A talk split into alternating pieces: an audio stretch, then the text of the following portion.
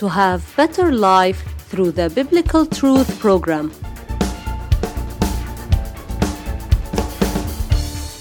Today's biblical truth is entitled I am the Lord, your healer.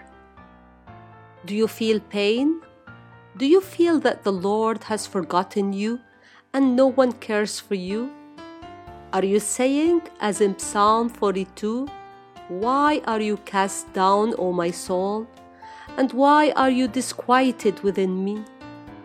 The biblical truth affirms to me and to you for I am the Lord who heals you, as in Exodus 15 26. Jehovah Rapha, the Lord heals every disease that is in your body, that is in your mind or in your spiritual life.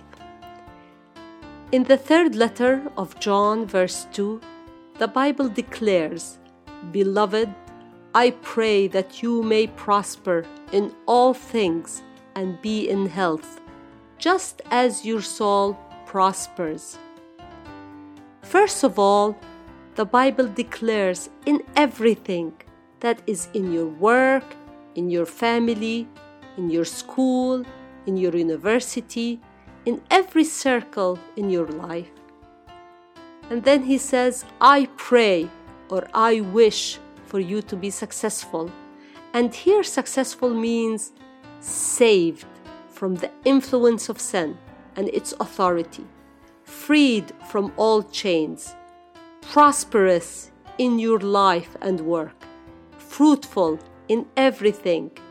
Yes, God's will for us is salvation, is healing and liberation.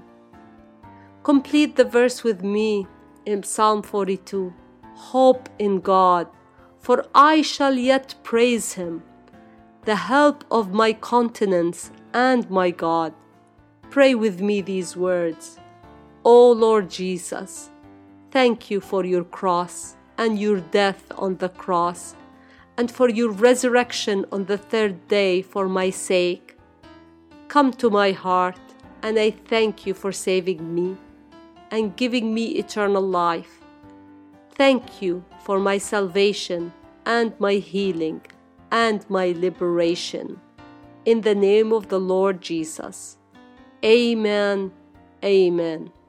May the Lord bless you in a new episode of the Biblical Truth.